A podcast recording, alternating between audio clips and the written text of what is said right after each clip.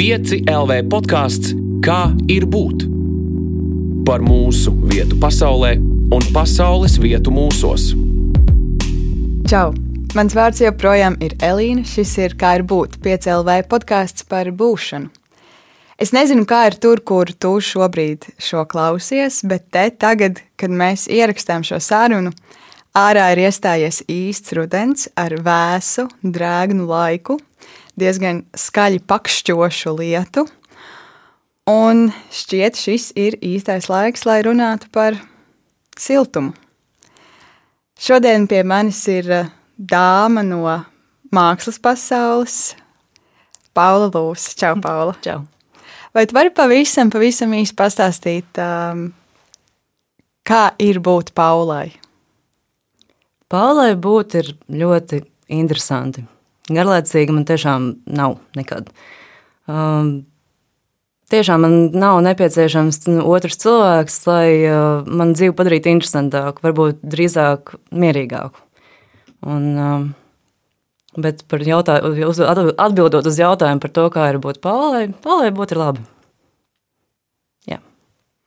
Un ko tu dari kā Paula? Kas ir uh, nedaudz tava ikdiena, lai tas cilvēks, kurš mums tagad klausās, čau, lai viņš vai viņa var uzburt kaut kādu tēlu par to, kas ir Paula?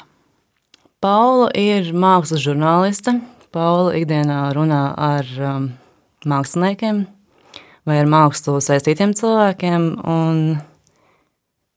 Pārstrādā es ikdienā nodarbojos ar klausīšanos, tāpēc uh, šī būs arī interesanta pieredze man, ka šī būs saruna.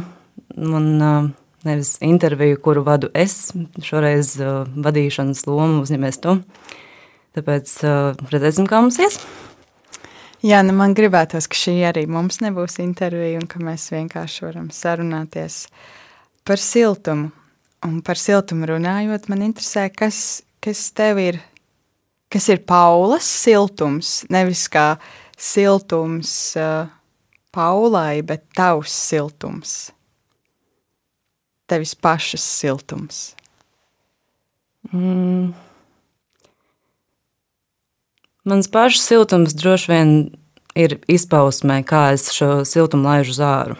Man tā ir ļoti liela empātija un vēlme palīdzēt. Un tas tādā pārnestā nozīmē, runājot par siltumu, tā ir tāda liela savu cilvēku mīlestība. Man neesmu nekāda būda, kur mīl visus, Bet, uh, ja es iemīlu savējo, tad viņš noteikti izmanto šo vārdu siltums, runājot par mūsu attiecībām.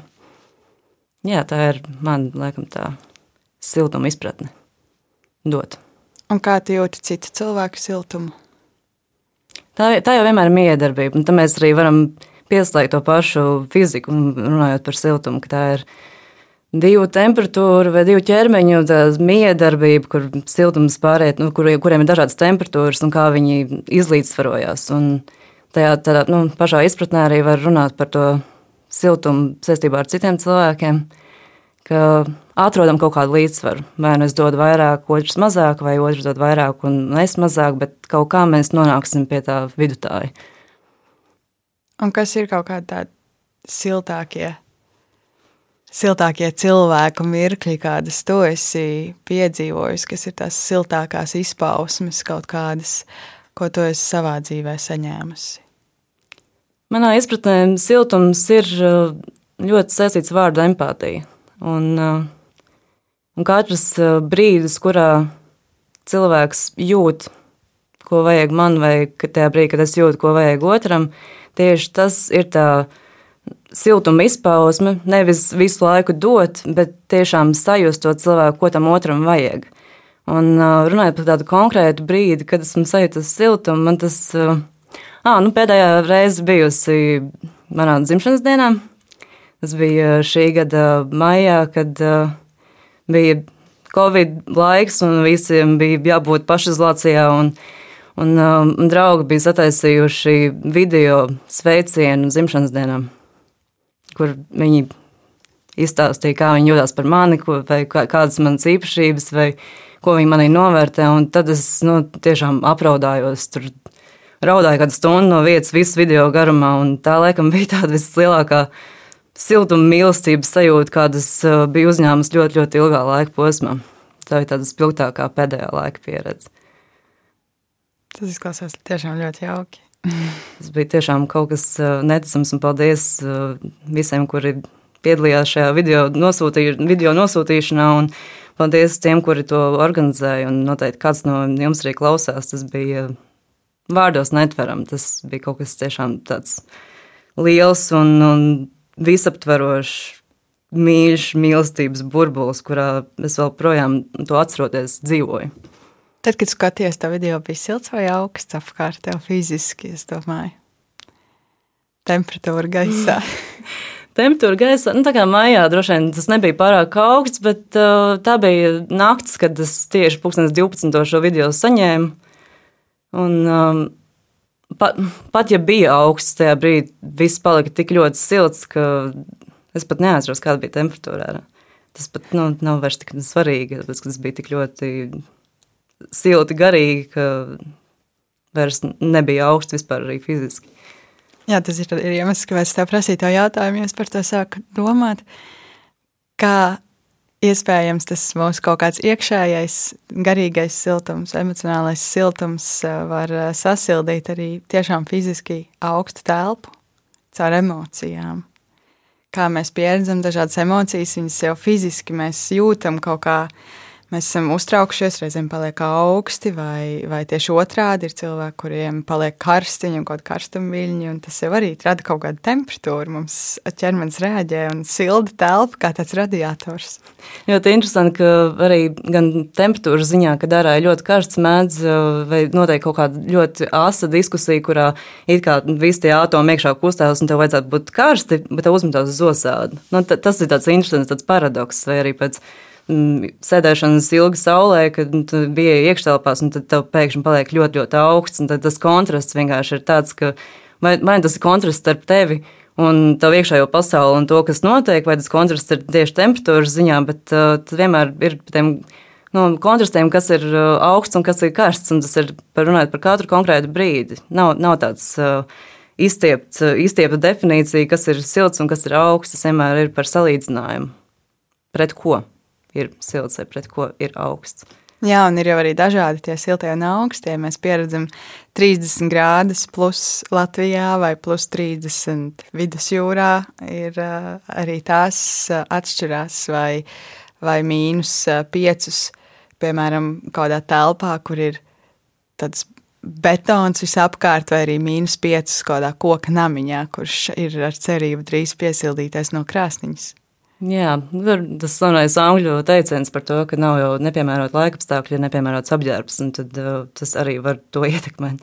Un, kad esmu strādājusi, uh, gadu strādāju par pavāru, tad skaidrs, ka, nu, lai cik ļoti būtu noskrējies, ledus, leduskapī, paņemt produktus, sajūtu augstumu daudz izteiktāk nekā, ja tu būtu ziemas jakā un iet ziemā ārā pa tā, tādu pašu temperatūru.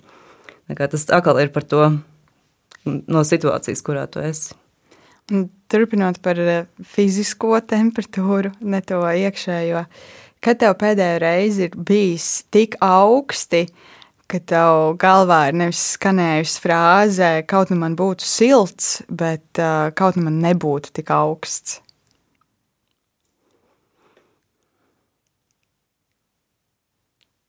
Um, pēdējo reizi tāda situācija bija pirms gada, braucot ar uh, pirmo reizi, braucot ar motociklu. Bija oktobris, bija lietas, tāpēc kā šodien. Un, un tad es zinu, ka es ne, nevarēju nokontrolēt to savu trīcēšanu. Kaut gan es ļoti, ļoti gribēju, lai man nebūtu tik augsts, lai tam otram cilvēkam, kurš man veida, nebūtu tas uztraukums par uh, par to, ka vai es nosaušu vai nenosaušu, tad es piefiksēju to, ka kaut man nebūtu tik augsti. Man pat nevajadzēja, lai man ir silti, bet uh, lai, lai otru tas netraucē, ka man ir augsts. Pēc tam iegāju karstā vannā un viss jau izlīdzinājās. Bet tā bija tāda nu, spilgtākā laikam, pēdējā laika reize, kad es piefiksēju, ka kaut man nebūtu tik augsti. Un tev ir uh, kaut kāda tāda līdzīga varbūt, situācija arī ar siltumu un karstumu, ka tev ir bijusi vēlme kaut nebūt tik karsti. Man drīzāk ir bijusi vēlme kaut nebūt tik saulains. Jo, jo man temperatūra tik ļoti varbūt neietekmē kā nu, tā, tas pieprasījums, ka saulēnā laikā cilvēkiem ir jābūt labā noskaņojumā, tas pieprasījums par to, ka tā saule uzspiež uh, vēlmu būt priecīgam, tas man nedaudz nomāca. Man jā, karsts vai augsts man tik ļoti neietekmē, kā nu, varbūt tieši vai ir gaišs, vai tumšs, vai lietains. Vai, jo man kaut, tā, tā temperatūra varbūt uh, nav tik uh, svarīga tajā brīdī, kad ir uh, atbilstoši laikapstākļi manam emocionālam tā, laika, tā brīža noskaņojumam. Kā tev liekas, kurš uzspiež to, ka mums saulēnā laikā ir jājūtas priecīgiem? Un droši vien tā nu, uzspiestā skaistuma, ideālā pasaule, visas Instagram bildes un, un viss to, kā, kā cilvēki priecājās un izbauda to saulaino laiku. Un, un pat ja man ir diezgan ok noskaņojums tajā, tajā laikā, tad uh, man, un ja es neesmu tādā baigā sajūsmā par kaut ko, man tas tiešām tā, tā tas salīdzinājums, nu, jo visu laiku salīdzinu kaut ko, tu salīdzini sevi ar citiem cilvēkiem, vai tu salīdzini sevi ar cit, sevi citā periodā. Bet uh, tas viss tiešām ir no tā salīdzinājuma. Un man, es zinu, ka daudziem cilvēkiem esmu likusi justies uh, labāk, uh, piekrītot tajā, ka es jūtos slikti, nevis ka es jūtos baigi labi. Nu, ka viņi nejūtās tajā vieni, ka viņi tajā sliktajā pašsajūtā var dalīties ar kādu, un, un, un tā, tādā veidā arī tajā miedarbībā arī abi divi var justies labāk. Nezinu, vai es atbildēju uz jautājumu, bet. Uh, jā, jā, bet man tagad interesē, uh, ja siltumam ir, ne saulainumam, ja saulainiem laikam ir kaut kāds ideāls par to, kā mums jājūtas. Kā, kā, kāds ir augstā laika ideāls? Kā, kā, vai, kā ir pareizi justies tagad, kad ir rudens ārā un līdz lietus? Kā ir pareizi justies? Es tieši nu, kad atbildēju par to siltumu, es automātiski domāju par, par šo lietu, un uh, tas laikam ir baigi egoistiski. Jo es lietainā laikā jūtos labāk, jo es zinu, ka lielākā daļa jūtas sliktāk. Tāpēc, ka man ļoti bieži patīk strādāt uh, pie, pie rakstiem, vai pie interviju šifrēšanas, vai kādām radošām izpausmēm tieši sestdienās, svētdienās, un pirmdienas nestrādāt. Un tad man ir tāds egoistisks prieks, man, ka visi kaut kur skrien un ka man ir tas tagad, tagad es atpūšos. Un laikam tajā, tajos sliktajos laikapstākļos uh, ir kaut kāds egoistisks prieks, ka es to izbaudu vairāk nekā lielākā daļa iespējams. Un vislabāk man patīk vētras, jo tas ir, nu, nu protams, ka labāk ir būt iekštelpās tajā brīdī, bet uh, es nevienam nenovēlu būt vētrā ārā, bet uh, man arī vētras ļoti nomierina. Tā ir tāda kad es tik mazs un bezspēcīgs tās dabas varenības priekšā.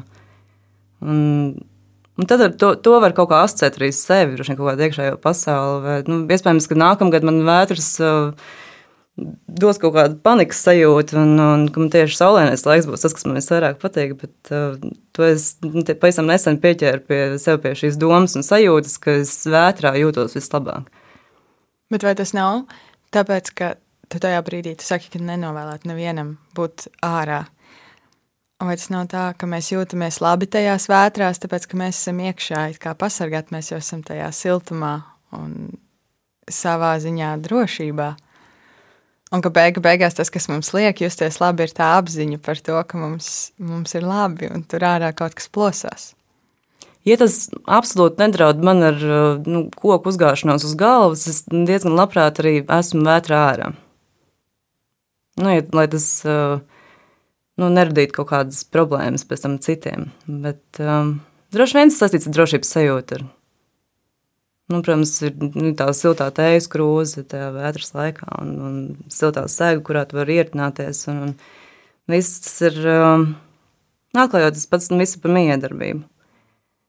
Droši vien tas ir par uh, to drošības sajūtu, bet uh, vairāk tas ir par to abrīnu par to, cik varana ir nu, daba un cik neprognozējama un nekontrolējama. Tas, ko izlīdzsvaro, man liekas, katra iekšējās kaut kādas uh, sajūtas vai emocijas, kas viņiem ir iekšā, un tad ir tā um, daba ārā. Tad, nu, tad arī tas, tas saulainais laiks neatbilst vienkārši tam iekšējai būtībai, un tas lietas varbūt pat atbilst. Un tas, tas pats, ko es tev teicu par tiem, ka divi draugi, kuriem ir slikti, viņi viens otram pasaka, viņiem ir slikti, viņiem kļūst labāk. Un tad, ja man ir kaut kāds zemes noskaņojums ārā, ir lietas, tad es jūtos kā ar savu draugu ārā, ar laikapstākli, ar lietu. Un kļūst labāk tajā brīdī. Man patīk, ka tu laiku stāstu nosauc par draugu. es domāju par vēju. Man, man ļoti patīk, piemēram, Rīgā. Es ļoti izbaudu, ja es esmu pārdaugavā vai otrā pusē, un respektīvi, ja man ir jāšķērso tilts un ir vējš, man tās dažas minūtes, un es nezinu, cik minūtes jāiet pāri tiltam, bet man liekas, ka man izpūš pilnīgi visu ārā. Es tiešām jūtos vēja tāda tā kā sapurināta, kārtīgi izsatricināta. Un tā sajūta, ka no tāda stipra vēja var ieiet aizvējā. Tas kontrasts tajā mm -hmm. brīdī liekas kaut kas, tā sajūta ir ļoti interesanta. Tas ir par tiem kontrastiem atkal, nu, ka ir mm. vējš un ir aizvējš. Ir lietas, un es jau es nebūtu priecīga, visu laiku līdz lietas. Es jau zinu, ka kaut kad viņš beigsies. Es viņu atļaušos saukt par viņu. Nu, ja es par viņu runāju kā draugu, tad uh, tas nebūs tas, tas būs viņš. Bet, uh, jā, Kaut kad uh, pavisam tikko bija Liepājas mākslas fórums, kurā bija brīnišķīga laikmatīgās choreogrāfijas izrāde, kurā piedalījās uh, jaunie uh, talanti, Liepājas teātra topošie aktieri. Un izrāde, sauc, izrādē bija nosaukums uh, Pastāja gupe. Un tā bija uzvesta izrāde Liepājas astoņās dažādās vietās, un, un, tur, un tie dalībnieki veda uh, visus skatītājus no viena punkta uz otru, un, un tās uh, izrādes pamata ideja bija par to, ka tu nevienā brīdī neesi viens, ka, tu, ka vientulībai nav nemaz uh, vieta šajā dzīvē, jo tu esi visu laiku miedarbībā ar ar uh, ielu, pa kuru tu ej, ar, ar kokiem, kuriem tu mēģi garām pieskaries. Vai, vai, nu, mē, mums ir ļoti, ļoti ekskluzīva situācija, ka mēs varam ar tevi sarunāties tagad, uh, sēžot pie viena galda. Bet, uh, cilvēki, tas tā, tā bija tāda mierinoša doma, ka tu nekad neesi viens. Pat ja tu esi viens un tu jūties viens tajā brīdī, kad saproti to, ka, ka viss, vis ir, viss, kas ir ap tevi, jau ir kompānija vai draugs vai Vai tas ir lietas, vai tas ir koks, vai tas ir suns, vai, vai uh, māja, kurā tu dzīvo. Tā ir tāda mierinoša doma. Es tiešām atzīšos, es biju varbūt iedomājusies par, uh, protams, par sunu kā kompāniju. Vispār nenēju, suns man ļoti labs draugs. Un, un uh, par kokiem, jā, par, par upijā, par mājām, par ļoti daudz ko es esmu domājis, kā par kompāniju, pat nezinu, par saviem augiem istabā vai, vai kaut ko citu. Bet es nekad nebiju nosaucis laika apstākļu, man liekas, par draugu. Un es tiešām šodien iešu mājās no radio.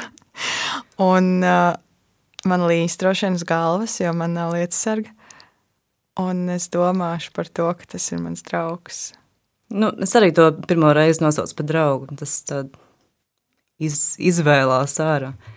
Tas ir skaisti. Tas, man liekas, tā ir viena no skaistākajām lietām šajās sarunās, ka bieži vien sēžot pie šī galda ar dažādiem cilvēkiem, ļoti dažādiem cilvēkiem, mēs kopā nonākam pie kaut kā jauna un aizejam kaut kādās vietās pie tādām domām, kuras mēs vēl nekad nebijām domājuši. Skaisti. Pie kaut kā, kam mēs abas piekrītam. Jā. Tāds jau ir iespējams visu sarunu galvenais mērķis - nonākt pie kaut kā vidusceļā vai, vai sarunas beigās, vai kā ir nonākt pie kaut kā, par ko, par ko var vienoties. Un pat ja tā vienošanās ir par to, ka mēs viens otram nepiekrītam. Jā, nu, tā, jā. tā ir tā. Tā ir viena no skaistākajām vienošanām. Man liekas, ko slēgt. Ir svarīgi. Ir, ir ok, ka tu domā tā, un ir ok, ka tu, dom, ka tu domā citādāk, bet uh, viss ir labi. Mm -hmm. Mm -hmm. um, es zinu, ka tu dzīvo mājā, kur ir jākurina ar krāsni. Tā ir. Un te nu man te ir jautājums, eh, kas ir eh, sliktāk? Pārkurināta vai atdzisusi krāsnes?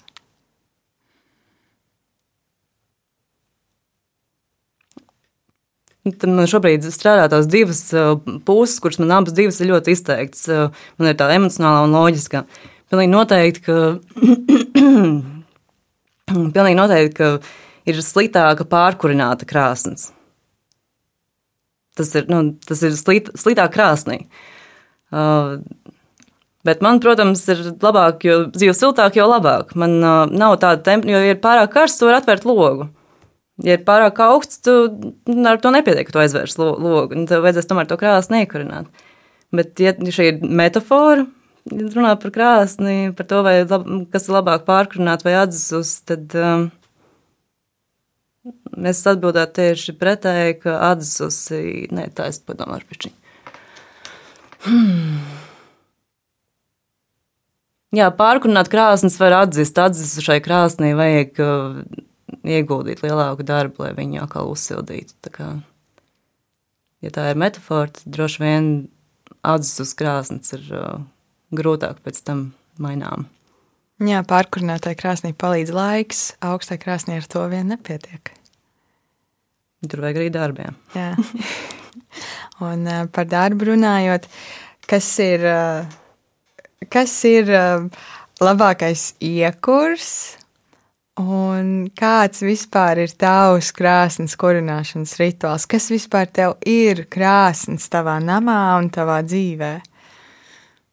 Bet sāksim ar to iekurs. Tev pajautāju četrus jautājumus vienlaicīgi, un tā nedrīkst darīt. Tad pirmais jautājums bija par, kas ir labākais iekurs. Ja? Jā. Labākais iekurs uh, ir olu kastes. Tas ir, uh, ko es sapratu pagājušajā ziemā. Un, uh, kopš tā brīža, tagad, uh, kop, no brīža, kad es beidzu kurināt krāsni pavasarī, es esmu sakrājusi jau vairāk kā simts olu kastes. Laikam, es ēdu ļoti daudz olas.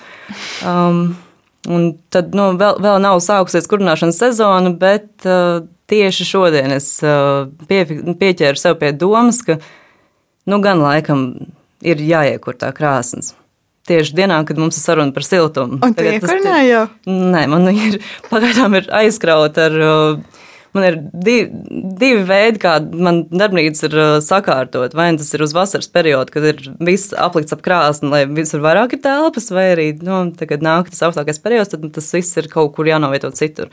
Vēl nav bijis uh, spēks atbrīvot nabaga krāsni vai priecīgo krāsni, labi atpūsties. Um, Bet vēl neesmu iekorusi, bet tas notiks ļoti drīz. Un iedomājies, ka tev to līdzi tu teiks, tas atbrīvojas. Kāds ir tas tavs uh, iekošanas rituāls?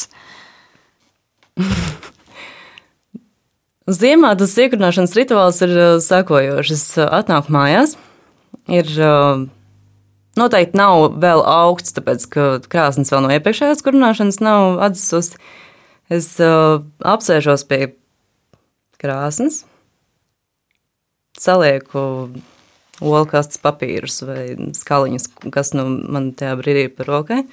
Salieku vēlams labāk malku nekā mm, briketis, jo mal, malkā ir atkal tas brīnišķīgais plus gan smarža, gan skaņa.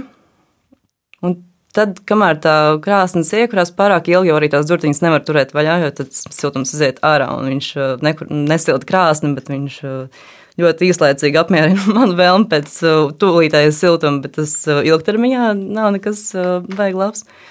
Bet kādu brīdi es pie tās krāsnes pameditēju tajā brīdī. Tas laikam ir brīdis, kad es varu atslēgt galvu no visa skatoties ugunī, vienkārši pēkšņi prāts paliek brīvs un, un atbrīvots un bez domu. Es tajā brīdī sāku, protams, domāt par, par uguni un kas tur deg un, un ko es tur dedzinu un vai tur ir kaut kādas avīzes, kuras es pirms tam palasu vai kā, bet uh, parasti tas ir tāds ļoti meditatīvs uh, process. Un cilvēkam, kurš ikdienā nenodarbojas ar meditācijām un, un jogām un visām šīm uh, ļoti mūsdienīgajām lietām, tad uh, tā ir mana meditācija. Man liekas, interesanti. Ļoti daudz cilvēku, vismaz ar ko es esmu savā dzīvē runājis, atzīst tieši, ka ugunim, ugunī ir kaut kāda īpaša, jā, tāda, ne, nezinu, vai nomierināšanas spēja, vai kā to nosaukt, bet skatīties ugunī daudz saka, ka varētu mūžīgi. Nu, tā sajūta tajā brīdī tāda ir. Mūžīgi noteikti, ka es negribētu skatīties ugunī, bet uh, es domāju, ka tas ir kaut kas mm, ļoti līdzīgs kā pa tām vētrām, ka tu skaties uz kaut ko varenu, ko tu īsti, varbūt tev liekas, ka tu to kontrolē tajā brīdī, kad tu iekur to krāsni. Bet tajā pašā laikā, ja, ja tur nu, krāsnī skur, skurstenis nav iztīrīts vai kas, un, un māja aizdegās, tu esi nu, laikam tā, tā varenības uh, sajūta par gan tiem laikapstākļiem, gan uguni, par to, cik īstenībā mazs tu tā priekšā esi. Un tā ir tāda pazemība varbūt. Jā, man, man vienmēr ir tāda jā, bijība pret uguni. Tā tam vajadzētu būt. Liela. Tas tiešām uztrauc kaut kādā ziņā. Man pat reizēm svecītas ir bail atstāt istabā. Nu, svecītas nevajag viens pašs atstāt istabā. nu, pat tad, ja es aizēju uz piecām minūtēm prom, man reizēm es atceros, ka man tur ir palikusi svece. Man ir bijis dzīvē, ka es pamostos, ka es esmu aizgājis gulēt, es pamostos un es redzu, ka man, nu, es biju aizmirsusi nopūst sveci un ka es visu laiku gulējis pie degošas liesmas. Tad man liekas, tas tā wow, ka viņi tur ir, ir palikusi un ka varēja visādi notikt, vai ne? Nu, piesardzīgi, nevar būt pārlieku piesardzīgs, manuprāt. Nu, protams, tas ir kaut kādā mānijā, tas ir, tā ir atkal otra galējība, bet liekas, cilvēki, cilvēki dažkārt domā, ka būt piesardzīgiem ir kaut kā garlaicīgi. Bet īstenībā būt piesardzīgi ir tev atbrīvojoši, tev mm. uzlikt savu rāmi un, un tajā, tajā rāmī arī dzīvot, to rāmu var paplašināt tās robežas, bet uh, man liekas, ka nevajag īpaši noņemt tās uh, sienas piesardzībai. Tu, tas ir tik uh, cilvēcīgi būt piesardzīgam. Ja tev ir vēlme dzīvot, tad tu būsi uzmanīgs. Tu būsi uzmanīgs braucot ar riteni, tu būsi uzmanīgs atstājot sveci, tu būsi uzmanīgs jebkurā dzīves situācijā. Vienkārši pievērs ne tikai nu, tas arī ir interesanti runāt par uzmanību. Vai tu vērsi uzmanību uz kaut ko? Un uh, pazuda doma tikko. Bija tik ļoti skaista doma, ka pilnīgi pat, pat tā sapriecājos, ka aizmirsu, ko es domāju.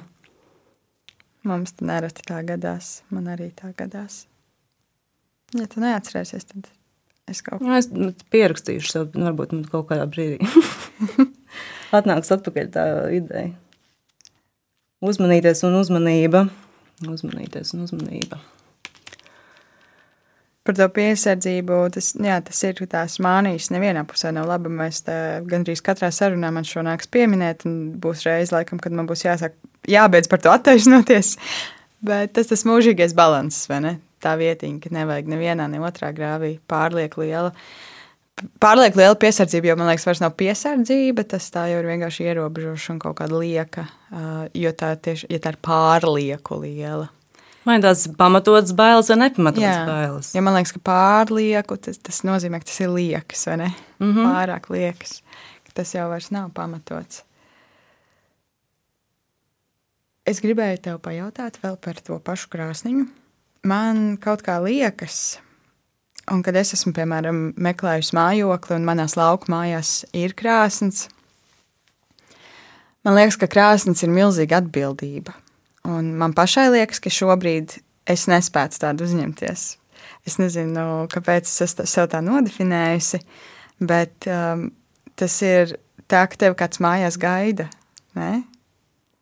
Savā nu. ziņā. Nu, tu esi atbildīgs, uh, atbildīgs par to, vai tev gaidīs tas siltums vai, vai nē. Es vienmēr bīstos par to, kā es dzīvošu, piemēram, mājā, dzīvoklī, kas ir jākurina ar malku. Un es aizbraukšu kaut kur prom ziemā, mīnus 10 grādos, baudīt skaisto puteni, un pēc trim dienām atbraukšu. Un tad diezgan kādu laiku sēdēšu, kamēr man būs atkal silta māja. Tas ir laikietilpīgs process, un, un uz priekšu ir par to jādomā. Es eh, ļoti reti, kad atstāju krāsni, kuramies, kad, lai, lai arī no praktiskā viedokļa, ka, lai tā krāsnes izkurās, kamēr esmu projām, es atnākšu, būs silta māja, bet tas ir ļoti, ļoti reti. Man tur, tur laikam iesaistās tā piesardzība. Bet uh, tas nav, nav jau arī nekas slikts pēc trīs dienām atgriezties un, un pasēdēt kažokā siltās vilnas zeķēs pie krāsnes, kamēr tu viņu iekur. Protams, ka kamēr tā krāsne sasilst, tā, tās var paiet 3 līdz 5 stundas. Bet uh, man kaut kā, un tajā brīdī, kad esmu sasagusies un gaidu to brīdi, kad tā krāsne sasils, man arī ir tāda, tāda, nu, tāda sajūta, ka man ir vienošanās ar krāsni. Ka, nu, es sasilžu, bet nu, tas prasīs tik un tik stundas. Mums ir skaidri tie noteikumi. Mums tur nu, nav tā, ka uh, es kurināšu, un, un krāsnes pateiks man, ka nu, man šodien slikts noskaņojums, es uh, nu, tā, nu, var, varbūt pēc septiņām stundām vai rītā iekuršos. Nu, tad tas iekuru tu zini. Cik ilgi laiks tev ir jāgaida, lai tā krāsnes kļūtu silta, un tajā brīdī tu vari uh, darīt jebko citu tajā laikā. Bet taču kādreiz tā, ka nekurās. Nu, varbūt ne tikai krāsnes, ugunskurs mežā pārgājienu laikā vai kas cits. Nu, kurina un nekurās. Viss apkārt slapjš, lietas varbūt jākur un ir jāiekurina. Nu, nevar neiekurināt, ja ir uh, atbilstoši apstākļi. Nu, nav iespējams neiekurināt krāsni, ja tev ir nu, savs kartons, uh, skaliņš. Labi, bet mēs esam mežā. Ārā līst lietus, ir pārgājiens. Un uguns jau nav tikai siltums tīri, tas ir arī pavārds jā, mums, lai mēs varam pagatavot kaut ko, piemēram. Un tas nosaka daudz ko vairāk. Ir, ir jākurina daudz kur krāsnes, lai uzsildītu ūdeni vienkārši. Un, un citas lietas, tas uguns ir tomēr, nu, tas ir tāds dzīvības simbols daudz vietā. Tāpēc, ka tas nodrošina visu, visu pārējo. Un mēs esam tajā lietainajā mežā, mums vajag mūsu dzīvības simbolu iekurināt, bet nekurās. Ja tu esi nonācis mežā, zinot to, ka tev būs jākurina ugunskurs, un tu nevari viņu iekurt, tāpēc, ka līdz lietas tu kaut ko neesi padomājis. Un tad ar tādiem cilvēkiem es laikam uz mežu negribētu doties. Tur ir vien, vienmēr izsver tos, um, tās iespējas un riskus. Un tas var prasīt ilgāku laiku, lai iekurtu. Bet, ja cilvēks nav pirmo reizi mežā un pirmo reizi var nenodarbojas ar, ar uh, iekurināšanu, tad uh, tur nevajadzētu būt problēmām. Jā, iet mežā ar cilvēkiem, kuri zina, ko mežā darīt. Bet kā lai uzzina? Pajautā. Nevar jau ar pirmo reizi aiziet un uzreiz zināt. Man cilvēki reizēm jautājuši, pastāstiet, kā, kā ir iet iet mežā, ko tur darīt. Un man liekas, ļoti interesanti. Un kā tā vienkārši šeit? Bet nē, tas nav vienkārši, tas nav pašsaprotami. Un arī iekurināt noteikti nav pašsaprotami, un kādreiz jau ir tā pirmā reize. Jā, bet tas cilvēks, kurš tev piedāvā iet uz to mežu, nu, viņam tiešām var pajautāt, vai tu zini, kā to izdarīt. Tāpēc jau ir tās sarunas, tāpēc jau ir komunikācija savā starpā. Un, un, lai abi spētu vienoties par kaut ko kopīgi, viņiem interesanti. Un, uh, es neesmu beigās uh, da, dabā palicējis, uh, bet nu, tās reizes, kad es esmu bijusi dabā, tas ir bijis ar cilvēkiem, kuri pilnīgi noteikti zina. nu, tas, nu, tas ir nu, bijis kaut kas īstenībā tā pieredze skatīties, kā vairāki. Uh, vīrieši jauni spēja dažu minūšu vai pusstundas laikā uzbūvēt nometni, iekurt uh, ugunskura.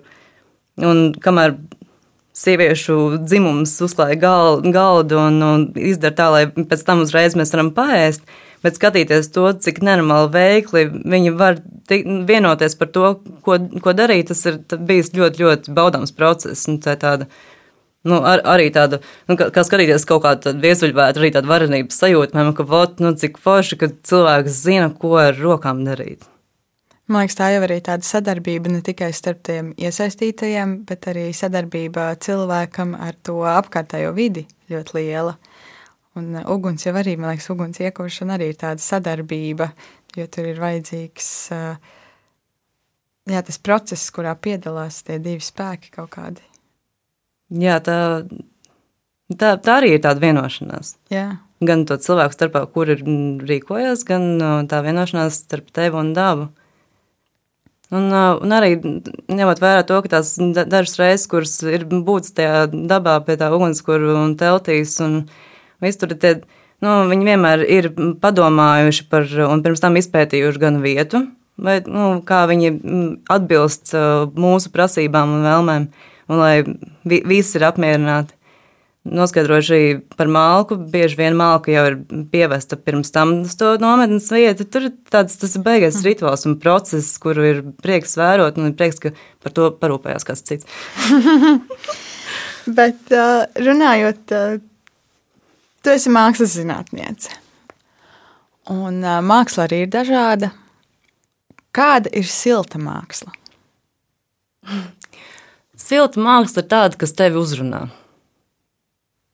Silta māksla ir tāda, nu, man, manā izpratnē, siltai mākslai ir tevī jāraisa sajūtas un emocijas, kuras tev pātrina kaut ko.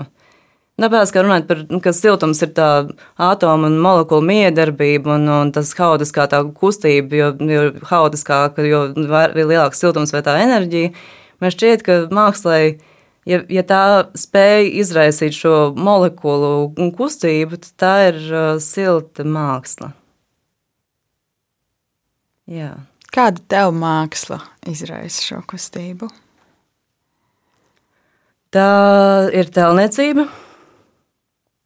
Un um, arī par to šodien domāju, un, un lai cik paradoxāli arī tas nebūtu, man uh, man patīk tieši bron, bronza, kur, nu, ja nav saulē, tad viņa ir diezgan augsts materiāls.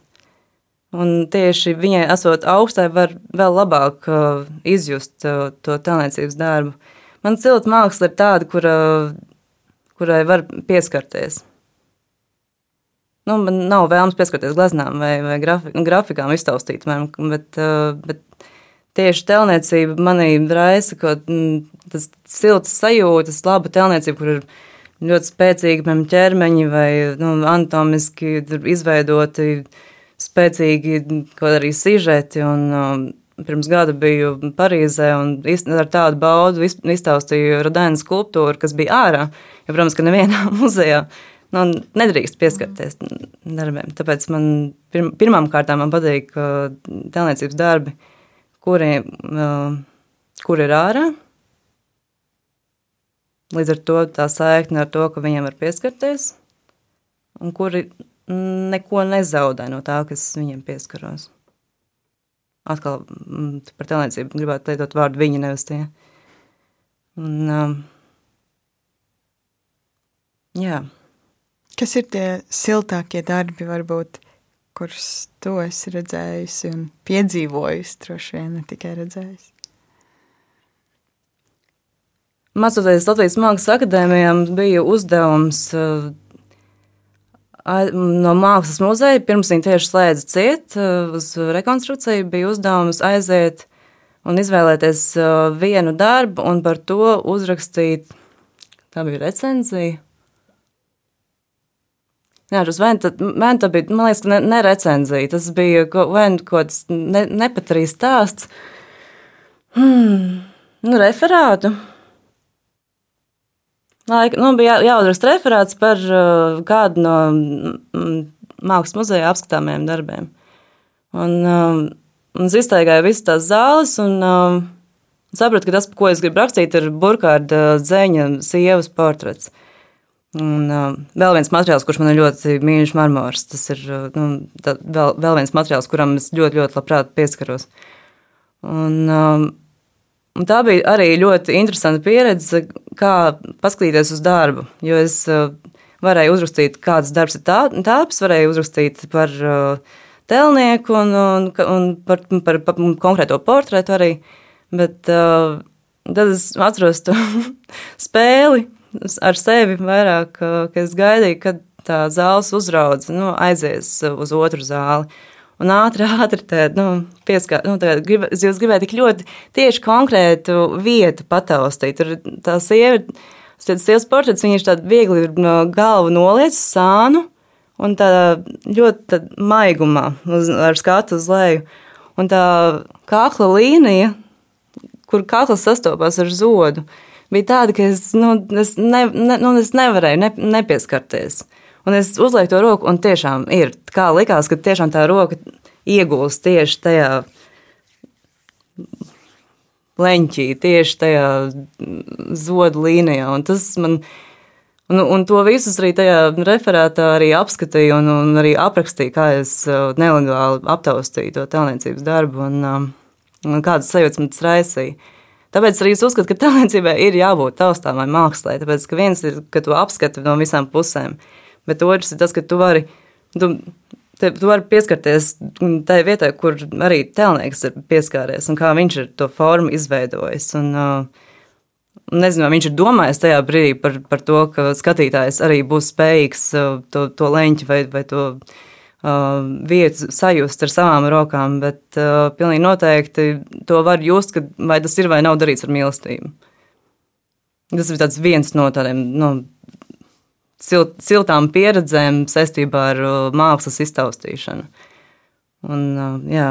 Tad otrs bija tas, ka tas Rodēna pirms gada Parīzē iztaustītā skulptūra, kur bija laikam skūpsts saucās, kur savījušies divi ķermeņi.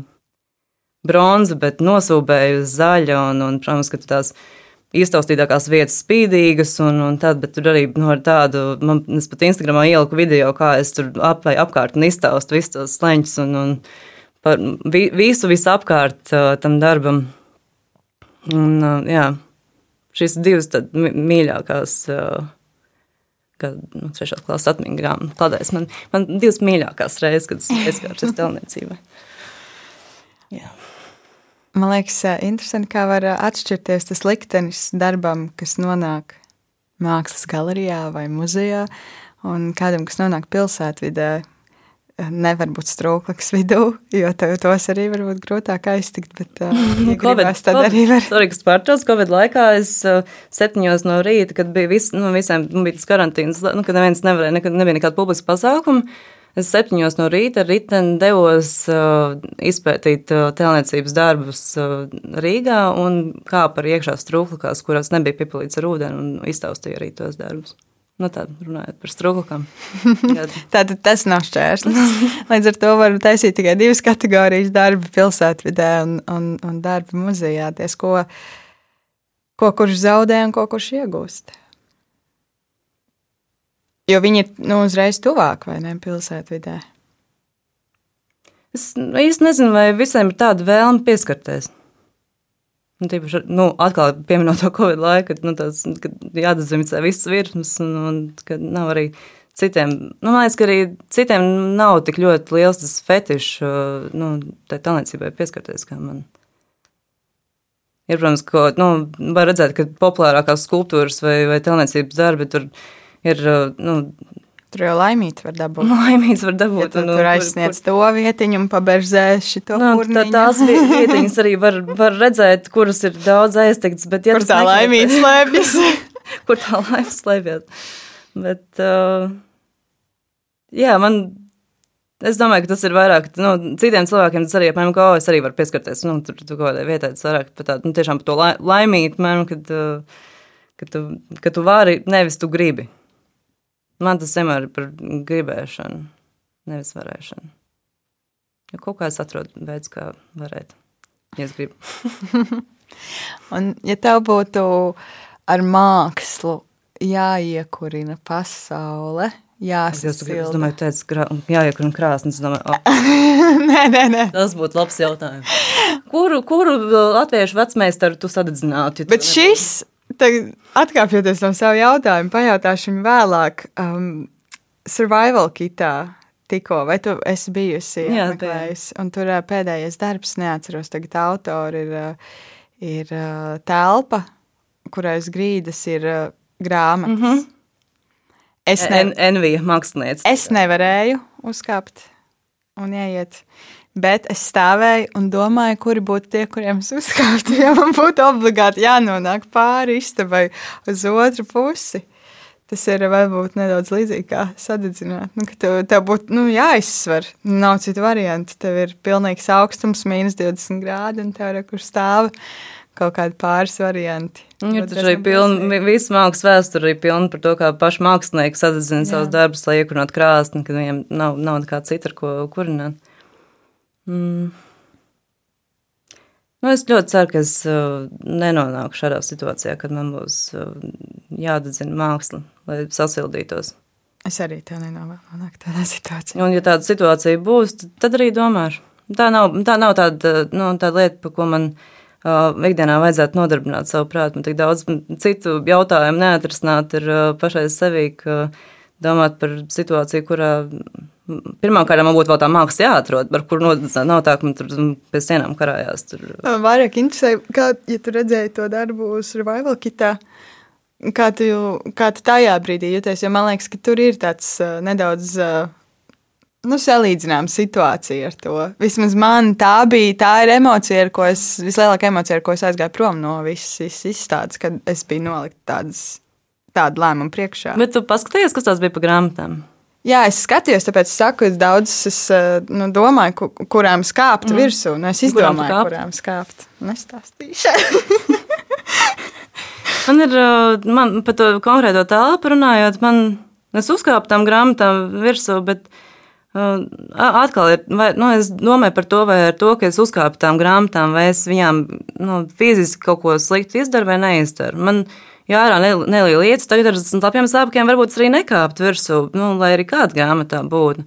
Bet, uh, jā, ka, nu, ja ir sausi zābaki, un, um, un es to daru uzmanīgi, nevis tur ieskrienos un šļūts tam grāmatām, tad uh, kaut kā tas, laikam, visu laiku par to, lai tas otram nekaitē.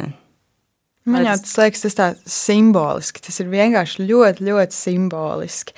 Un man kā cilvēkam, kuram jebkura grāmata, nu, tiešām, man vispār man grāmata ir. Es nezinu, svēta. Kaut kas līdzīgs tam man, man ļoti, ļoti tīri fiziski, kā objekts, papīrs, spēja pieskarties grāmatai, tā kā tev skulptūram vai grāmatu apčamdīt un, un papājāt to papīru. Un, un tad man tajā brīdī tas ir vienkārši simboliski, tāds psiholoģisks uh, tests mm -hmm. pašai priekš sevis. Es, man arī ir diezgan liela mīlestība pret grāmatām. Un, un, Iespējams, ka to ir par daudz, un, bet nu, ir dažādi dzīves periodi, kur dažādas literatūras ir interesējušas. Bet tā ir baigā spēja arī saprast, kas tev ir svarīgs un kas nav svarīgs. Bet, ja tu varēsi izdomāt, kurām grāmatām tu varētu uzkāpt virsū, tas jau ir daudz. Nu, tad, nu, es arī negribētu savām mīļākajām grāmatām kāpt virsū, bet, ja viņi savu kaudzē un apsēsties, Cita lieta, vai ne? Tad atkal tas nebūtu nekas kaut kādā īstenībā nu, simboliski. Tas varētu būt daudz trakāk nekā uzkāpt virsū. Nu, kad tu ar savu mm. ar, ar pakaļu apsēdies uz grāmatu kaudas. Nu, tas jau ir vēl vairāk varētu kaut ko nozīmēt nekā tām staigāt uzmanīgi. Jā, beig beigās es, es droši vien tajā pašā laikā manī dzīvo kaut kāds otrs spēks, kurš uzskatītu, ka nu, tā taču ir tikai lieta. Nu, es jau nenodaru neko tajā brīdī ne tam autoram, ne tam darbam. Tas ir vienkārši objekts, un tas nav vieni, viens unikālais jau objekts, kaut kāds mākslas darbs vai kaut kas tamlīdzīgs. Tā ir, tā ir lieta, tāpat kā man šobrīd te uz galda stāv papīra lapas, jā, mikrofoni, ūdens pudele. Tā ir vienkārši lieta beigu beigās. Runājot par vienkārši lietām, es uh, tikko atcerējos, ka es lasīju Berto Eko interviju Rīgas laikā, ko Arnēs Rītaps uh, medīja un nomedīja Umberto Eko uz sarunu, un, um, un viņš viņam uzdeva jautājumu, vai, vai viņš gribētu, nu, vai viņš labprāt tiekās ar, nu, es precīzi to jautājumu neatceros, bet vai viņš labprāt tiekās uh, vai gribētu tikties ar kādu savu uh, mīļāko vai iecienītāko nu, grāmatu autoriem. Un, uh, viņš pateica, ka ka ja viņš to no tā izvairā, ļoti izvairās, un, un ja ir iespēja, tad, tad viņš nesatiekās tiem cilvēkiem, jo nevar zināt, nu, kāds, kāds viņš būs cilvēks, jo viņi novērtē nu, grāmatu, Un, nu, es nevaru zināt, piemēram, ko viņš nu, pateiks, ja mēs satiksimies un, un uzdos kaut kādu stulbu jautājumu, piemēram, kā tev iet. Man liekas, tik ļoti sirsnīgi, kad, kad viņi, viņi tas nu, stulbu jautājumu tad griezt ir, kā tev iet. Tad, tad arī interesanti epizode, par ko, par ko padomāt. Kas varētu būt man tas stulbais jautājums, kur nu, tas kāds sabojāt iespēju par cilvēku. Oh. nu, es nezinu, vai es vēl kādu grāmatu lasīšu. Bet tas noteikti nebūtu kā tev iet. Man nepatīk jautājums, ar ko tu nodarbojies.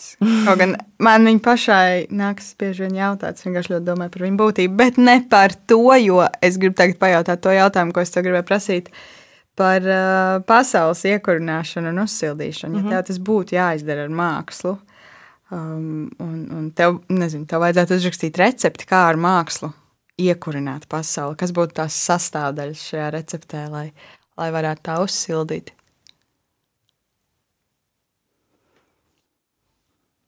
Jāņa jautājums. Jā, tiem, kas klausās, Jānis ir šī podkāsta režisors, kurš domā arī jautājumus bieži vien. Es padomāšu mazliet.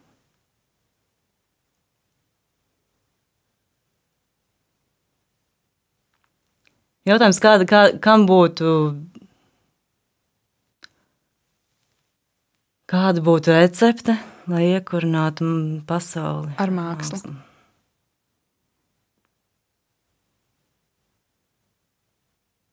Savs iekurs. Nē, no. Lielu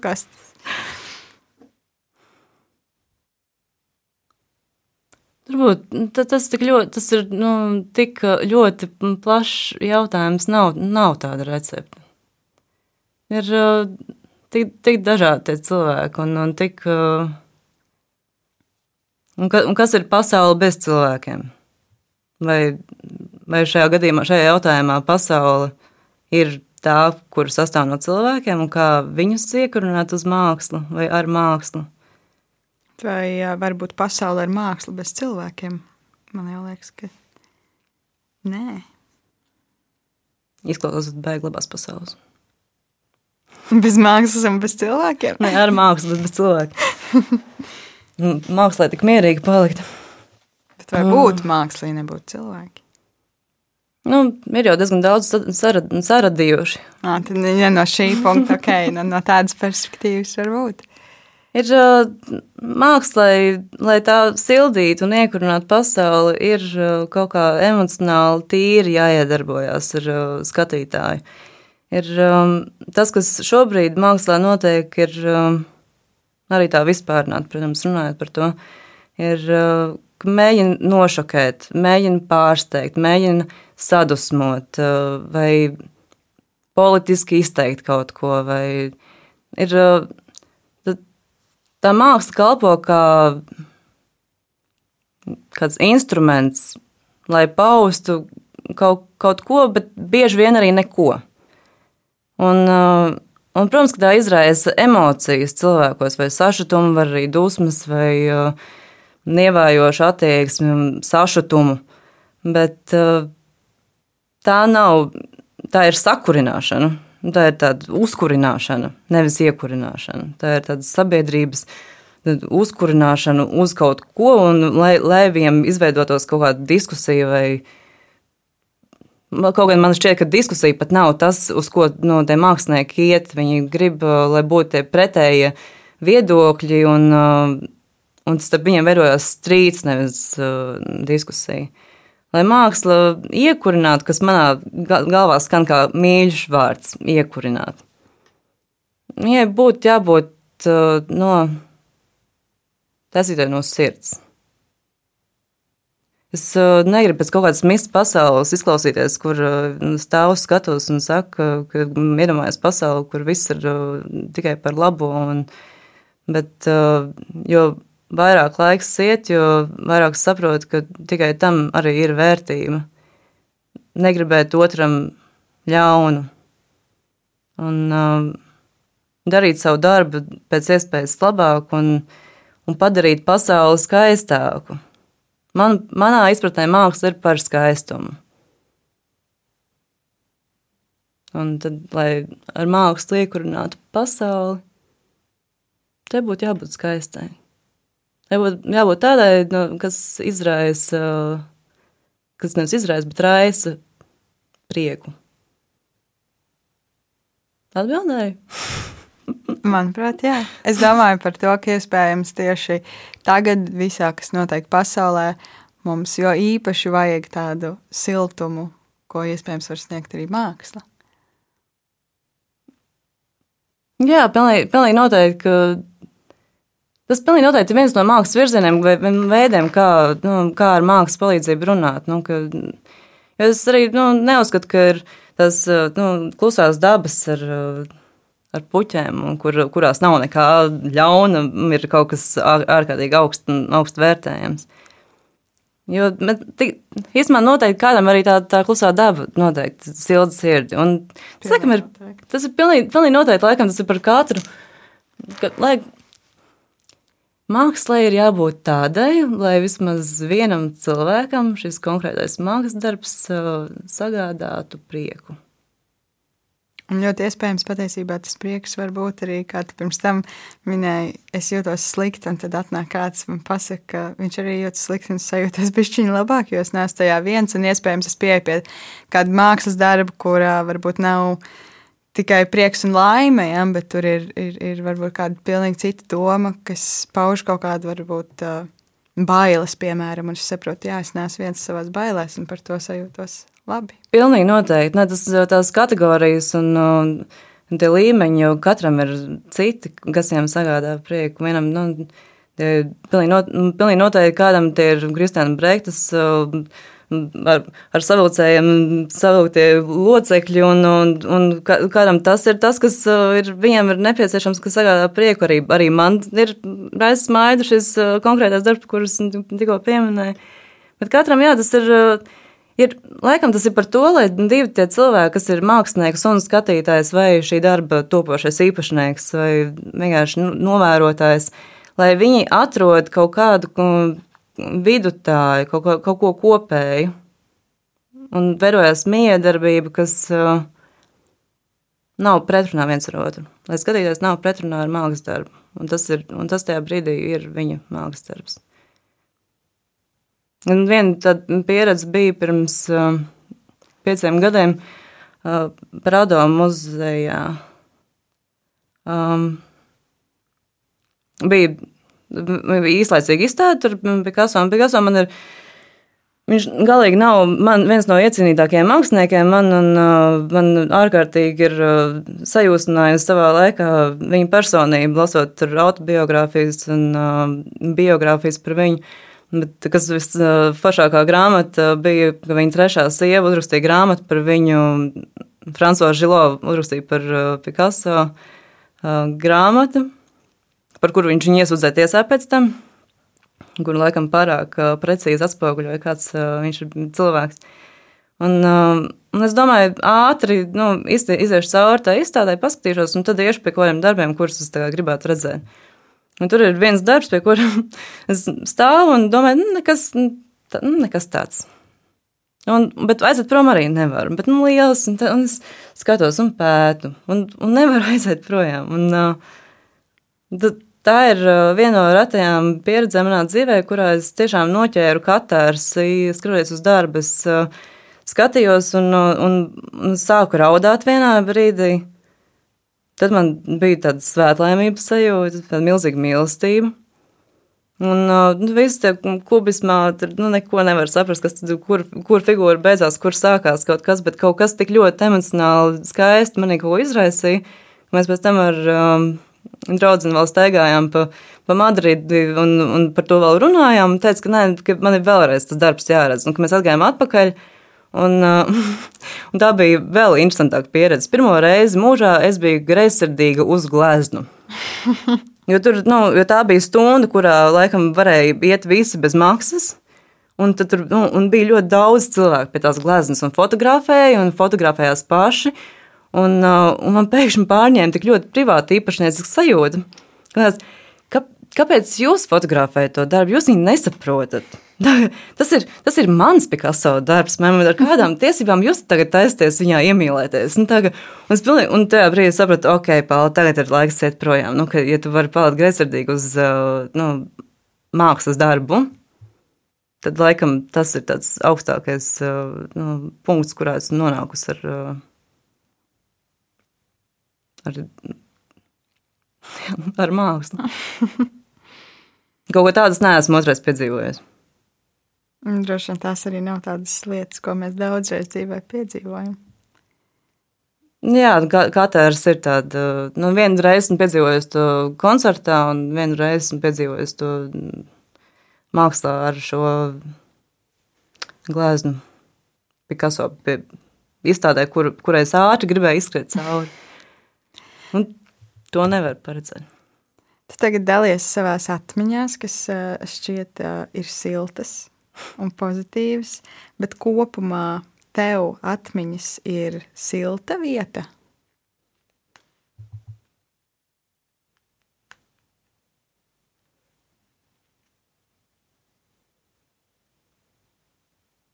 Mm, vairāk, vair, vairāk uh, sāpīga. Es mēģinu viņu to sajūtu, nu, to, tās at, atmiņas kaut kā uz tām paskatīties mazliet no citas puses, lai arī, tā, to, tā, lai arī tos brīžus un atmiņas un situācijas, kam ir riets cauri, iemīlēt un, un, un, un vai, vai vismaz palaistu. Bet, um, Jā, tad ir jāskatās tajos arī dzīves, dzīves no, nogriežņos. Bērnība pilnīgi noteikti ir silta vieta. Pēdējie desmit gadi ir uh, migla. Tur, tur, pat, nu, tur ir ļoti daudz arī siltuma, bet uh, tur ir tikpat daudz arī uh, sāpju. Un, jā, jau agrāk laikam mēģināju to, to līdzsvaru lai nebūtu ne karsts, ne augsts, nu, arī dabūt no tiem grāviem. Nu, tā, mm. Vai nu vien, vien, vienā vai otrā grāvī un lēkā visu laiku tam zaķis pāri visu laiku no tā viena vai otra grāvja. Un tādā veidā dabūju to, nu, tajā brīdī man vajadzīgo līdzsvaru. Uh, tagad ir cits periods, kurš, uh, kurā es mēģinu to līdzsvaru dabūt jau ikdienas darbībā un domāšanā, nevis uh, izvilkt vidēju aritmētisko. Un, un, Baig, baigās jautājums. Šis bija labs jautājums. Vai man atmiņas ir silta vieta? Man ir ļoti daudz siltu atmiņu. Man pilnīgi noteikti vi, vi, lielākā daļa no atmiņām, kas ir uh, saistītas ar mākslu, ir siltas. Es pat varētu pateikt, teikt, ka visas atmiņas, kas man ir saistītas ar mākslu, ir siltas. Un kā tu iekuri savu tādu gara krāsniņu, savu siltumu, ja tev ir uh, augsts. Es eju uz kino. Vēl viena lieta, kā kaut kāds stereotips, ka, nu, vai, vai bailes cilvēkiem iet vieniem pašiem uz kino, tas arī man ir tā, tāds uh, in, interesant, uh, nu, interesants novērojams. Es varu pateikt, ka es īstenībā reizēm nesaprotu, kāpēc uz kino ir jāiet divi tā. Mm, absolūti, piln, pilnīgi piekrītu. Man ir, es dzīves laikā esmu satikusi uh, divus cilvēkus, ar kuriem es ļoti labprāt eju uz kino. Nu, tad, kur, ar kuriem mums ir tiešām tā, ka es zinu, ka netraucēs. Jo nu, tas arī tāda, nu, arī, arī draudzība starp uh, nu, tevi un filmu. Un uh, režisoru, nu, starp tevi un režisoru. Un tas pa vidu ir tas, tas rezultāts ir tas, ka tu vari sajusties kā, bieži vien ar, kā ar labu draugu vai ar nepārāk labu draugu, kā, kā paveicās. Un, um, kas, kas ir nepārāk labs draugs? Paldies, Paldies, draugs. Parunāt pēc ar sevi. Tas pat jautājums un atbildēs pats sev. Brīnišķīgi. Um, Man tā ir staigāšana vai skriešana. Man tas bija suns, bet um, nācās šajā pavasarī atvadīties. Draugi, protams. Sarunas starp, vai mm, man dākli runāja par to empātiju, ka, ja ir patiesi draugi un, un tiešām tavi tie dombiedri, tad uh, viņi jūt, vai sadiekoties vajag vai nevajag runāt. Un, uh, bet bieži vien kaut kādā sajūta, ka viņi ir, man jau rada to siltumu. Man pat nevajag, lai viņi man uzklausa, vai pasēž blakus, vai pat ar roku, vai, vai um, iedzer vīnu kopā ar mani. Dažreiz ir vienkārši ir, var novērtēt to sajūtu, zinot, ka ārpus cik man ir forši draugi. Nu, tā, tā, tieši tā sajūta. Ir prieks, ka ir daudz, ir tiešām daudz cilvēku apkārt, kuri man ir tuvu un mīļi, un, un viņi, pa, viņi jau veido man to siltumu apkārt. Un, um, tad, jā, tie jautā, kas man rada siltumu manī, manā krāstiņā, tad uh, tas tie noteikti ir uh, draugi, kino, daba. Ļoti. Bet ne tā, kur man ir jākurina mežā slapja malka. Vienai. tu esi gājusi Santiago ceļu. Jā. Tu gāji viena? Jā. Šis ceļš vienai tevi Nu, nu, te, nu, tā kā teorētiski viens, nu, nu, tur gāja vēl ļoti daudz cilvēku līdz ar to. Jā, es zinu, ka tāds notiek, bet uh, šis ceļš teorētiski vienai tevi sasildīja. Un tas ceļš mani apgaismoja. Tas, tā, tā bija tik uh, fantastiska pieredze, kā ar uh, kustību. Un tajā, tajā brīdī, nu, tajā, tajā laika posmā es vairāk domāju par to, cik uh, ļoti, ļoti svarīgi cilvēkam ir kustība. Ka viņš var būt uh, apmierināts ar sevi tikai nu, kustības vien. Un pēc tam tu, to tā var likt uh, visas profesijas, bet saprast to, ka gan uh, kustība fiziska, gan kustība nu, prātā, sevis papildināšana, ka tā ir viena no. Nu, kāpēc, nu, ja mēs esam dzīvi, tad mums ir jābūt šai kustībai. Gan sevi iekšā, gan arī fizisku zāru. Um, kas bija jautājums? Vai šis ceļš tev sasildīja? Pilnīgi noteikti. Man lika arī ļoti daudz ko saprast un, un uzzināt arī par, par sevi un uz ko esmu spējīga. Un, uh, un sasildīja arī fiziski, tomēr tā bija Spānija. Un, lai arī oktobris tomēr kaut, nu, tas bija arī netipisks, laikam, oktobris, kad bija nu, divas lietainas dienas 15. laikā. Tas ir vienkārši kaut kas neiedomājams. Nu, tas arī bija ļoti, ļoti atvieglojoši, jo man nebija nekādu uh, lietu strēbi līdzi. Un, uh, jā, pilnīgi noteikti sasildīja. Es kļuvu daudz uh, arī siltāk pret citiem, manuprāt. Pēc tam? Uh -huh. Kāpēc? Tāpēc, ka viss kļuva tik vienkāršs un pašsaprotams. Man vairs uh, nebija, es iztaigāju visu kaut kādu, es iztaigāju savu žulti. Kas man bija kaut kāda, kas īstenībā jau ir katram cilvēkam, kurš ir neapmierināts ar kaut ko, vai, vai raksta dusmīgas komentārus, vai ko, vienmēr jau ir tās dusmas jau ir viņā. Nevis uz to cilvēku, pret ko viņš vēršās, bet, uh, bet par tām dusmām, kas ir viņā pašā. Un, um, nu, neviens uh, laimīgs cilvēks otram. Nu, neteiks sliktus komentārus un, un, un nemēģinās panākt to, lai viņš jūtas sliktāk. Un, um, un tad, ja es tiešām fiziski iztaigāju to savu žūtu, kas man bija pret sevi vai pret uh, citiem, vai kaut ko tur pāri, palika tāda liela mīļa pieņemšana. Nu, kad var būt visādi. Un, Tas bija tas pir pirmais posms, lai kaut ko vairāk uh, saprastu par sevi. Pēc tam vēl tas notika pirms trīs gadiem, laikam. Jā.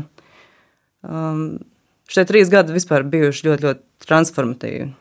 Jo savukārt gadu pēc tam es salauzu abas kājas, un nu, tas arī mazliet smējos par to, ka vienu mēnešu laikā nu, nogāju 900 km kājām. Uh, un pēc gada, nu, divus mēnešus nenogāja nevienu. Nu, kad kad rekurbi atkal, atkal dabūja līdzsvaru, ja, nu, tā kā divi, divi, divi grāvi. Bet... Kā tu jūties, tad, kad tu nevarēsi staigāt? Es, um, nesen, ne, ne tādās galībās, ne ar 900 km, bet es nesen nogāju 120 un, uh, un salauzu pēdu, un arī nevarēju iet. Un es arī sasildos uh, savā garā, ejot tieši.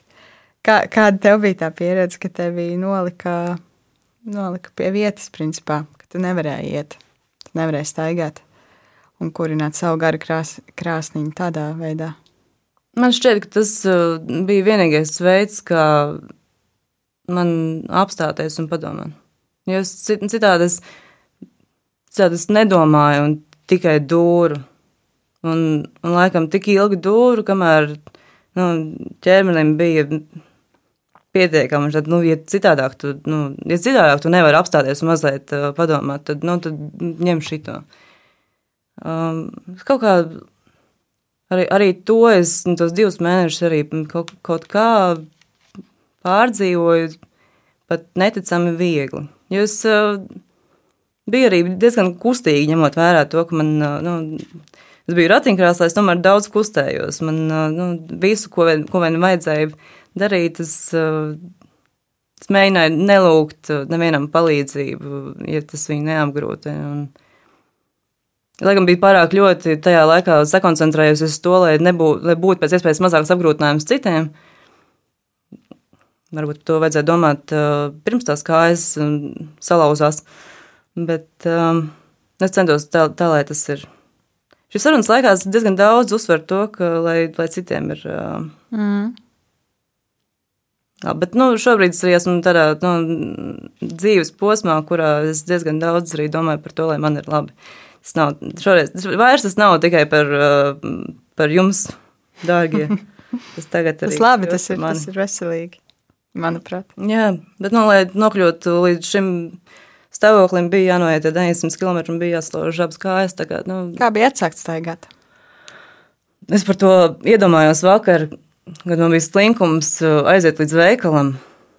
Es domāju, nu, tad, nu, tad varbūt nemaz nevajag to ūdeni, vai nu, varbūt var arī nēst šodien, vai kā. Un, un es atcerējos to. Tas pirmās dienas, kad es staigāju, un pirmkārt, ka, nu, ka divus mēnešus biju tādā sēdošā suņa pozīcijā, un nu, es redzēju visu to, un, un pēkšņi pieslēdzos savā metrs 80 garumā, un, un ieraugu to, ko divus mēnešus nebija redzējis, nu, to līmeni. Un tā bija tā sajūta tik. Uh, fenomenāli un, un tāda, ka es tik ļoti novērtēju katru soli. Tas bija tā. Es domāju, es nekad neaizmirsīšu to, cik forši ir staigāt. Nu, ātri, ātri tas notika. Ātri, tā mēs ātri sakām, vai ne? Bet nu, vakar šo atcerējos un ātri vien aiztaigāju līdz tam veikalam bez problēmām. Jā, tā, tā, tas bija baigi. Transformatīvi. Mācīties staigāt no jauna, jo abas kājas. Mācīties staigāt. Nu, es to nebiju nu, darījusi kāds 29 gadus. tad, un tad man mamma palīdzēja.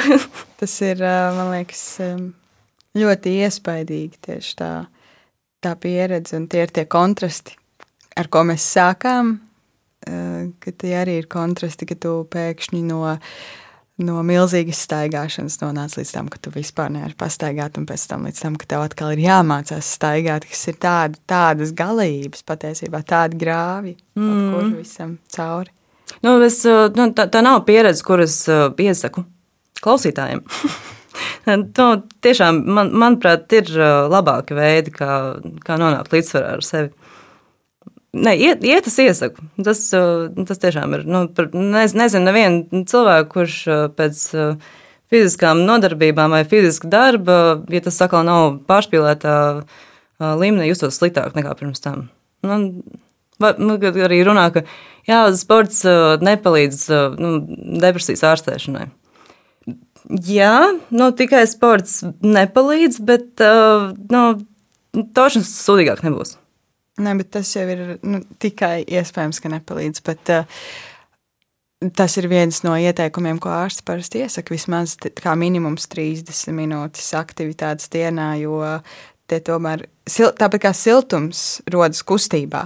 Ja, siltums nerodas tā vienkārši. Mm. Siltums rodas kustībā un arī, arī cilvēks kustoties iesilst. Un tad, kad mums ir augsti, lai cik mēs būtu sastinguši, mums ir jāsaņemās un, un, un jākustās. Un tāpat arī visi mūsu prieka hormoniņi tajā brīdī, kad mēs kustamies, viņi sāk ražoties. Un, Un, un nu, jā, nu, tikai nu, cilvēkam ir depresija, nu, tā, tā kustība un, un tie prieka hor hormoni tajā brīdī ir diezgan vienaldzīgi. Nu, viņi ir tādi. Nu, vismaz, vismaz man savā pieredzē, kad, kad man bija savs ceļš pa tumsiņu jāsteigā, tad ārsts ieteica no visām lietām bija trīs veidi, kā mēs varam ārstēt. Tava problēma ir medikamenti, terapija, fiziska kustība trīs lietas. Jo tās ir tās, kas var pēc savas pieredzes teikt, ka nu, šīs lietas kopā vispār dara brīnums. Jā, jā. Tāpēc arī tā viņas parasti laikam cenšas kaut kā savienot. Es vairāk vienkārši par to, ka tam cilvēkam, ja viņš uh, nelieto tos medikamentus, viņam nu, ir nu, grūti nu, sevi izdabūt no tās mājas, lai par pastaigāt. Nu, ja tu esi to saskāršies, tu zini, ka nu, gulta tevi aptver, ierauj, nu, nu, nelaiž vaļā. Nu, tur, nu, nē, tu būsi mans tagad. Bet, um, jā, pilnīgi noteikti tas. Uh, Kustība noteikti palīdz. Es domāju, ka tas arī ir tas, ka, kāpēc tie cilvēki tajā Santiago ceļā bieži iet. Tāpēc, to es esmu dzirdējusi no, arī nu, tur pirms tam dzirdējusi, ka kā, kā, kāds šis bijis brīnišķīgs atklāsmu laiks un, un ka, un ka taču kustībā ir spēks, un kamēr tu pats to nepiedzīvo, tu to nesaproti. Jo tas izklausās nedaudz klišejs, ko ne? Klišejs, ka viss tas, un arī tās grāmatas, pašmācību grāmatas, ir tad, kad es man tik diezgan daudzas tādu, nu, ar skepsi lasījusi, un tad, Un ir tā, tās lietas, piemēram, ka mīli sevi, ej, nodarbojies ar sportu, piemēram, ka domā par sevi pirmo kaut ko, un tu tā lasi, un tā, mhm. Mm Nu, tā, ka, jā, nu, es, saprotu, ka tā, tā ir, nu, tā būtu jādara. Bet kamēr tu neesi tajā brīdī, nu, tajā dzīves punktā, kad tu to esi spējīgs arī izdarīt. Es izlasīju nu, pirms gada to mūks, kurš pārdeva Ferrari. Un, bet tas jau, nu, es to, to grāmatu izlasīju tajā brīdī, kad es jau biju, nu, sapratusi ļoti daudz ko. Un, un es izlasīju, tad, nu, loģiski, Nu, tagad es saprotu, par ko viņš runā. Varēja, ir arī labāks grāmatas, kuras par to tēmu ir uz, uzrakstīts. Bet uh, es pirms tam nesaprastu, to, ko, nozīmē, ko, ko nozīmē sevis mīlēšana. Tad, kas tas par ego tripu tagad? Parūpēšanās. Jā, un tad izrādās, tas nu, tam nav nekāda saistība ar narcismu. Mm. Mm. Uh, ko tev šis gads ir iemācījis par siltumu? Es parasti uh, savelku vienmēr šīs tēmas kaut kādā veidā ar to visu, kas notiek šogad. Ko tev ir mūsu pandēmija, kas turpina vēl joprojām ietekmēt mūsu ikdienas, iemācījis par siltumu? Tieši konkrēti šis pandēmijas periods man ir, nezinu, vai tas ir tieši saistīts ar siltumu, bet uh, tas ir iemācījis man um, vai pat neiemācījis, bet uh, vienkārši parādījis to, ka es ļoti labi jūtos viena. Jo pirms tam man bija no tā baila, un, un tad, kad bija, bija tie mēneši pandēmijā, kad tika atcelti visi publiskie pasākumi, kurus es tāpat nelabprāt apmeklēju, bet tagad neviens nevar apmeklēt. Tad es jutos, nu, ja daudziem tas bija nu, ļoti, es esmu dzirdējis, ka ļoti daudziem tas izraisīja kaut kādas psiholoģiskas problēmas. Tad uh, man atkal tāpat kā tā vētra, arī šis mani nomierināja, ka, ka es, man beidzot ir attaisnojums neiet tur, kur es nevēlos. Un, um, un to varētu arī savilkt ar siltumu. Gan siltumu pret sevi, gan izvērtēt. Uh, kur ir tie cilvēki, kurus tu gribi satikt, ar kuriem kopā sasilt vai ar kuriem miedarboties. Jo citādi var baigi, baigi iztukšot sevi, atdodot siltumu kaut kur, kur tas aiziet nekurienē. Nu, ka nav nekāda, nu, ka nav atgriezeniskā saita. Un tagad es pēdējā gada laikā esmu iemācījusies veidot atgriezenisko saiti pašai ar sevi. Un un daudz labāk uh, komunicēt un arī saprast savus draugus. Un ģimenes locekļus arī. Man liekas, forši, ka tu saki par to, kur lai tas siltums nav tā, ka viņš aiziet kaut kur nebūtībās. Ja mēs cilvēki tomēr mācās augstskolās daudzus gadus, lai saprastu, kā neradīt siltumu zudumu sēkām. Mums taču ir arī pašiem ar saviem siltumiem, tīri simboliski jādomā līdzīgi. Es biju ierakstījis pirms nācu uz šo mūsu sarunu, ierakstīju Google siltums. Domāju, es vienkārši gribu paskatīties, man, kas, nu, kas izliks ārā. Un tur ir nu, viss Rīgas siltums, Rīgas siltuma tur pārvades, tur, nu, tur sūdzības par kaut kādu siltumu tur ap, apsaimniekošanām. Un, uh, Tas īstenībā pirmo reizi laikam uh, pievērš uzmanību vārdu salikumam Rīgas siltums. Ka tas īstenībā ir uh, tas par, paradoks un pretruna. Nu, jo Rīga nav tāda viena no siltākajām. Uh, gan šiem kā kuram. Kā kuram, jā. jā. Šodien, kā jau es sākumā teicu, izveidojot apli, ir rudens ārā, un tagad pa īstam, jo mums eh, šis rudens ir eh, ļoti sildījis, tiešām temperatūras ziņā. Kā tu šodien sasildīsies? Ir, ir jau gandrīz vakars klāt. Šodien sasildīsies? Pirmkārt, ar to pašu kustību atbrauc arī caur visu lietu ar, riteni, kas man palīdzēja sasildīties gan atbraucot pie tevis. Gan arī palīdzēs atbraucot mājās. Un, tā noteikti būs silta, karsta tēja. Un, hm, ko es vēl šo, šovakar varētu tādu labu sirds siltu gara, gara krāsniņa, kā kurinās. Es uh, varētu mēģināt apņemties uh, atbrīvot krāsni no tā, kas ir uh, vasaras laikā piekrauts priekšā. To es kā, varētu, nu, tagad esmu to radio pateikusi, tagad uh, man nu, solījums ir dots. Solījums ir dots un, un misija ir gatava. Un, jo pagaidām man tikai tā sola kaste, ko nu, kurināt man uh, neesmu vēl parūpējusies par malkas piegādi, kas arī būtu jārisina drīz pavisam. Paldies tev, Paula. Kā es sasildīšos? Oi! Parasti man nav uzdot šeit jautājums. Parasti jautāju es. Ja saruna, tad saruna. Jā, patiesībā tā tas arī ir. Un man prieks, ka tu man to jautā, jo tagad man arī ir jādomā. Es laikam Man šodien ir plāni vakaram, kurus es nespēju saprast, vai es viņus īstenošu vai neīstenošu. Bet, uh, ja tu man jautā, vai es, vai es gribu iekurināt savu garu krāsni, es savu garu šovakar sasildīšu laikam ar cilvēkiem, kas uh, nav tipiski man. man es arī es labi jūtos viena, un, uh, un es reti, iz, reti izvēlos cilvēkus kā veidu, kā sasildīties. Biežāk to kaut kā redzu kā siltumu atdošanu, nekā kā siltumu uzņemšanu. Bet man, mm -hmm. man liekas, ka šovakar es varētu sasildīties ar cilvēkiem. Vairākiem. Mm -hmm. Lai izdodas. Es ceru, jā. Paldies tev par sarunu. Paldies tev, un uh, es ceru, ka arī tu, kurš, kurš kura mūs klausās, arī kaut kā sasildīsies, jo um, rudens tikai pieņemsies parā, un tad nāks siema.